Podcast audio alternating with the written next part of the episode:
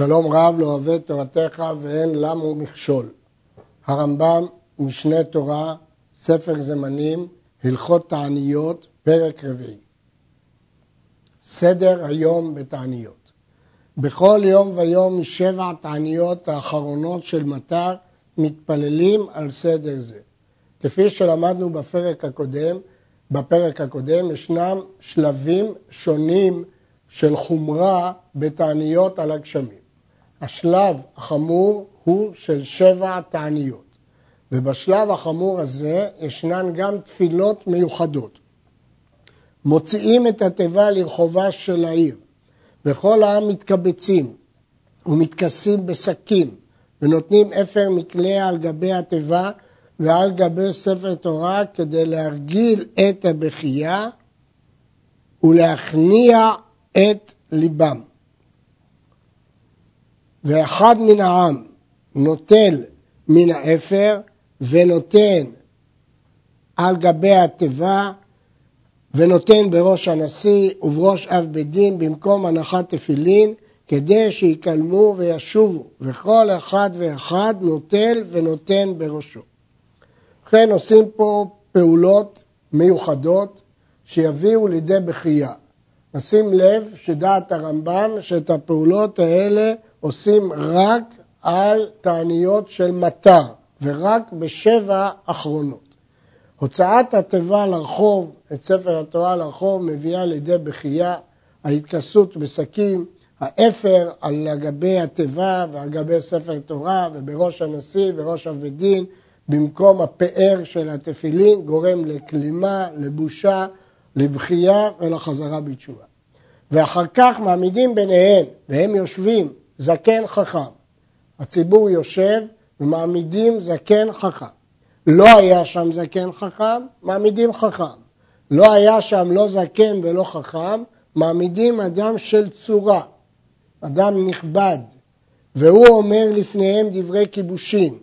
המשנה אומרת את תוכן דברי התוכחה שהוא אומר. אכן לא שק ולא תענית גורמים, אלא תשובה ומעשים טובים. שכן מצינו באנשי ננבה שלא נאמר בהם וירא האלוהים את שקם ואת תעניתם, אלא וירא האלוהים את מעשיהם. ובקבלה הוא אומר, בספר יואל, וקראו לבבכם ועל בגדיכם. הוא מוסיף בעניינות אלו כפי כוחו, עד שיכניע ליבם וישובו תשובה גמורה. נשים לב לתוכן העיקרי של דברי הכיבושים.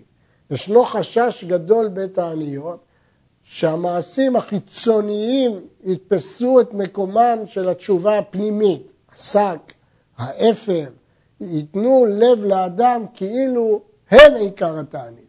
ולכן עיקר דברי התוכחה היא שלא החיצוניות היא העיקר, אלא שבירת הלב והחזרה בתשובה. ואחר שגומר זה דברי כיבושין עומדים בתפילה ומעמידים שליח ציבור הראוי להתפלל בעניינות אלו ואם היה אותו שאמר דברי הכיבושין ראוי להתפלל, מתפלל, ואם לאו, מורידין אחר. כיוון שהתפילה של תענית כוללת ברכות שאין רגילים לאומרם בכל יום, צריך שליח ציבור שמכיר את הברכות האלה ולא יטעה ולא יגמגם בהם, ואם מי שאמר את התוכחות הוא ראוי, ראוי, אם לא, מורידים אדם אחר. ואיזה הוא הראוי להתפלל בעניינות אלו? איש שהוא רגיל בתפילה ורגיל לקרות בתורה ובנביאים ובכתובים, כיוון שחלק גדול מהברכות הללו כוללות פסוקים מהתורה, הנביאים והכתובים כפי שנראה לקמן. הוא מטופל ואין לו, כלומר יש לו בנים, אישה ובנים ואין לו במה לפרנס אותם וליבו שבור ויש לו יגיעה בשדה, הוא טורח על מזונותיו ולא יהיה בבניו ובני ביתו וכל קרוביו הנלווים עליו בעל עבירה אלא יהיה ביתו ריקן מן העבירות, כדי שהציבור יפנה את ליבו אליו לקבל את דבריו, ולא יצא עליו שם רע בילדותו, שפל ברך ומרוצה לעם, ויש לו נעימה וקולו ערב, כדי שיהיה מקובל על הציבור.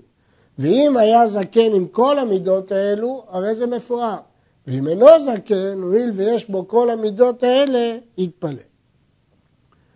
עכשיו נראה את סדרי התפילה. נראה את דעת הרמב"ם. ושליח ציבור מתחיל ומתפלל עד ברכת גואל ישראל. לא כולל החתימה, עד ולא עד בכלל.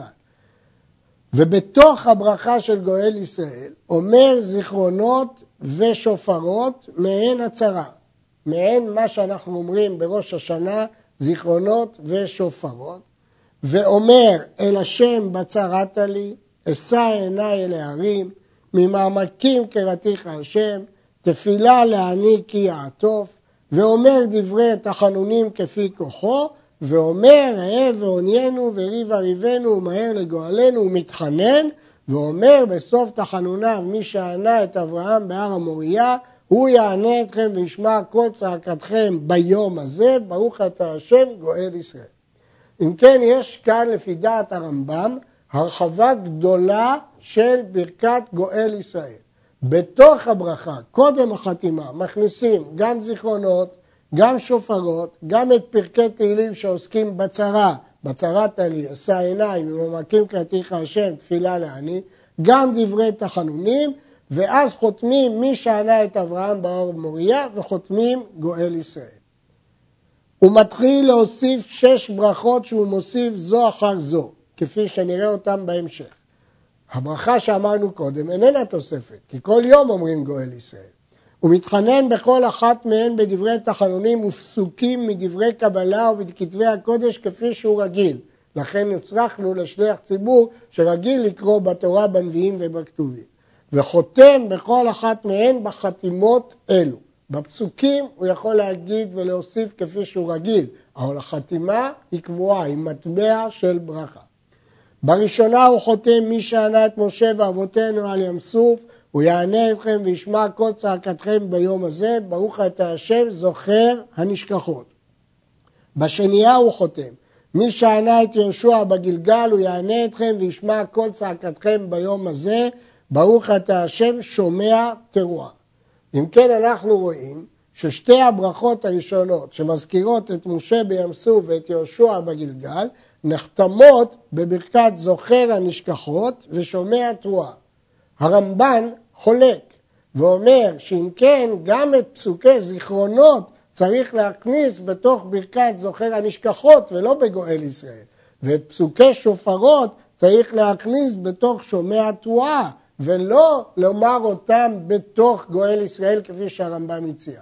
כי יוצא לפי הרמב"ם שיהיה פה דבר מוזר. את הפסוקים של זיכרונות ושופרות כללנו בגואל ישראל, אבל את הברכה שזוכר הנשכחות והברכה ששומע התרועה, אותם בלי הפסוקים, אלא עם הזכרת משה ויהושע בגלגל. ולכן הרמב"ן חולק על הרמב"ם בזה. בשנייה הוא חותם, מי שענה את יהושע בגלגל, הוא יענה אתכם וישמע כל צעקתכם ביום הזה, ברוך אתה השם שומע תרועה. בשלישית הוא חותם, מי שענה את שמואל במצפה, הוא יענה אתכם וישמע כל צעקתכם ביום הזה, ברוך אתה השם שומע צעקה. ברביעית הוא חותם, מי שענה את אליהו בהר הכרמל, הוא יענה אתכם וישמע כל צעקתכם ביום הזה, ברוך אתה השם שומע תפילה. בחמישית הוא חותם, מי שענה את יונה ממעי הדגה, הוא יענה אתכם וישמע כל צעקתכם ביום הזה, ברוך אתה השם העונה בעת צרה. בשישית הוא חותם, מי שענה את דוד ושלמה בנו בירושלים, הוא יענה אתכם וישמע כל צעקתכם ביום הזה, ברוך אתה השם המרחם על הארץ. אם כן, יש פה תוספת של שש ברכות, ובכולם יש חתימות מיוחדות, זוכר הנשכחות, שומע תרועה, שומע צעקה, שומע תפילה, עונה בעת צרה, מרחם על הארץ. ובכולם מזכירים צרות מפורסמות שבהם הקדוש ברוך הוא ענה את עם ישראל ואת גדולה. וכל העם עונים אמן אחר כל ברכה וברכה, כדרך שעונים אחר כל הברכות.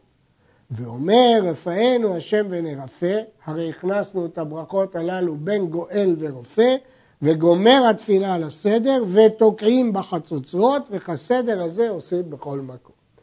נסכם את שיטת הרמב"ם. שיטת הרמב"ם, שבתוך ברכת גואל ישראל יש הרחבה של פסוקים ותחנונים, ומזכירים את אברהם אבינו בהר המוריה, בין גואל לרופא נוספות שש ברכות כפי שציינו קודם, וממשיכים ברופא. נשים לב לכמה הערות. האחת, ששומע תפילה מופיעה אם כן פעמיים, פעם בתוך שש הברכות הנוספות ופעם במקומה הרגיל בתפילה. הערה נוספת, שלפי הרמב"ם לא תוקעים בגבולין על סדר הברכות, אלא רק לאחר התפילה, גומר התפילה על הסדר ותוקעים בחצוצרות. אבל החולקים על הרמב"ם סבורים שתוקעים בגבולין על סדר הברכות, לא בסוף התפילה, אלא על סדר הברכות. לפי הרמב"ם רק מרעים בחצוצרות, וישנו דיון האם רק בחצוצרות, או אפשר גם לתקוע, ואפשר גם להריע, אבל הרמב"ם אומר רק תוקעים, תקיעה, הוא לא מזכיר תרועה בכלל. ט"ו, כשהיו מתפללים על הסדר הזה בירושלים, היו מתכנסים בהר הבית כנגד שער המזרח ומתפללים כסדר הזה. וכשמגיע שליח ציבור לומר מי שענה את אבותינו, אומר ברור, מי שענה את אברהם, אומר ברוך אתה השם אלוקים, אלוקינו, אלוקי ישראל מן העולם ועד העולם, ברוך אתה השם גואל ישראל. שימו לב לתוספת המיוחדת שאומרים בשער המזרח בהר הבית. מוסיפים אלוהים אלוהי ישראל ומוסיפים מן העולם ועד העולם, כדי לחזק את האמונה שיש גם עולם הזה וגם עולם הבא. והם עונים אחריו, ברוך שם כבוד מלכותו לעולם ועד. במקדש לא עונים אמן, אלא עונים ברוך שם כבוד מלכותו לעולם ועד. וחזן הכנסת אומר לתוקעים, תקראו הכהנים, תקעו. וחוזר המתפלל ואומר מי שענה את אברהם בהר המוריה הוא יענה אתכם וישמע כל צעקתכם ביום הזה ואחר כך תוקעים הכהנים ומריעים ותוקעים. וכן בברכה השנייה לזו שהיא ראשונה מן השש שמוסיף חותם בה ברוך אתה השם אלוהים אלוהינו אלוהי ישראל מן העולם ועד העולם ברוך אתה השם זוכר הנשכחות והם עונים אחריו ברוך שם כבוד מלכותו לעולם ועד וחזן הכנסת אומר להם, הריעו בני אהרון הריעו. חוזר שליח ציבור ואומר, מי שענה את משה ואבותינו על ים סוף יענה אתכם, וישמע כל צעקתכם ביום הזה, ואחר כך מריעין ותוקין ומריעין. וכן על כל ברכה וברכה, באחת אומר תקראו, ובאחת אומר הריעו, עד שיגמור כל שבע הברכות. ונמצאו הכהנים פעם תוקעין ומריעים ותוקעין, ופעם מריעים ותוקעין ומריעים שבע פעמים. ואין עושים סדר זה אלא בהר הבית בלבד. וכשהם תוקעים ומרעים שם, תוקעים בחצוצרות ובשופר כאחד, כמו שאמרנו. אם כן, ההלכה פה, לפי דעת הרמב"ם, שבמקדש משנים כמה שינויים. בהר הבית, בשער המזרח. שינוי ראשון מזכירים אלוהינו אלוהי ישראל מן העולם ועד העולם. שינוי שני שהעם משיבים ברוך שם כבוד מלכותו לעולם ועד. שינוי שלישי שהוא אומר תקראו הכהנים תקראו והכהנים תוקעים ומריעים ותוקעים ופעם אחרת הוא אומר הריעו בני אהרון הריעו והם מריעים ותוקעים ומריעים. ראשונים אחרים חולקים בכמה פרטים בעיקר בעניין התקיעה והתרועה. אבל זהו הסדר לפי הרמב"ם. במקדש תוקעים בשופר וחצוצרות כאחד. שבע תעניות אלו, בכל מקום שגוזרים אותם שם, אחר שמתפללים, יוצאים כל העם לבית הקברות, ובוכים ומתחננים שם, כלומר, הרי אתם מתים כאלו אם לא תשובו מדרככם. ובכל תענית מתעניתי הצרות שגוזרים על הציבור, מתפללים תפילת נעילה בכל מקום. ובכן הרמב"ם אומר שהולכים לבית הקברות. הגמרא מביאה שני נימוקים. נימוק אחד, כדי שהמתים יתפללו עליהם. נימוק שני, כדי להכניע את הלב בראיית המתים. מעניין שהרמב"ם פוסק כנימוק השני, אבל הוא גם מנמק אותו באופן קצת שונה. לא שראיית המתים תשבור את הלב, אלא שהאדם יגיד לעצמו, הרי אני מת כמוהם, אם לא יחזור בתשובה. פירוש מקורי של הרמב"ם לדברי הגמרא. ובכל תענית מתענית ציבור, שגוזרים על הציבור, יש תפילת נעילה. נעילה זה תפילה מיוחדת שמוסיפים לפני שקיעת השמש. ירדו להם גשמים. עד מתי יהיו יורדים ויפסקו הציבור התענית? משירדו בעומק הארץ החרבה טפח, ובבינונית טפחיים, ובעבודה עד שירדו בעומקה שלושה טפחים. זה השיעורים של הגשמים שהם מספיקים ואפשר להפסיק את התהליך.